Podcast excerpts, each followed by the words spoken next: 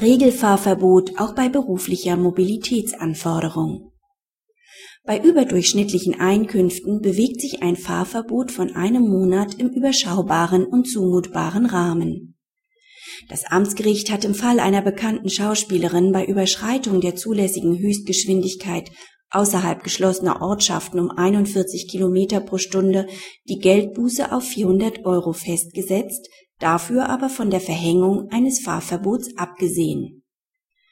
Die von der Staatsanwaltschaft hiergegen auf den Rechtsfolgeausspruch beschränkte Rechtsbeschwerde hatte Erfolg.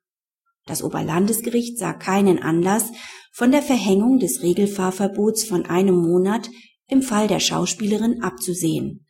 Es setzte dann auch gleichzeitig das Regelbußgeld von 100 Euro fest. Das Oberlandesgericht weist darauf hin, dass der Tatrichter zwar ein Ermessen dahin hat, ob ausnahmsweise von der Verhängung des Fahrverbots gegen Erhöhung des Bußgelds abgesehen werden kann.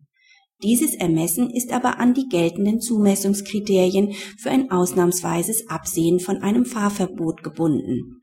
So ist es der Betroffenen zumutbar, für die relativ kurze Zeit von einem Monat beruflich erforderliche Fahrten gegebenenfalls auch durch Anstellung eines Fahrers durchzuführen. Hierbei geht das Oberlandesgericht von überdurchschnittlichen Einkünften aus und hält eine berufliche Existenzgefährdung für lebensfremd. Besondere Minderungsgründe, die ausnahmsweise gegen die Verhängung eines Regelfahrverbots sprechen würden, lagen nicht vor. Praxishinweis das Oberlandesgericht weist auf das gesetzliche Regelausnahmeverhältnis des Fahrverbots nach 4 Absatz 1 BKV hin. Das Fahrverbot ist die Regelsanktion, von der nur ausnahmsweise bei erheblichen Härten Abstand genommen werden kann. Dazu können zwar auch berufliche Härten gehören, die aber im Fall der Betroffenen nicht vorliegen.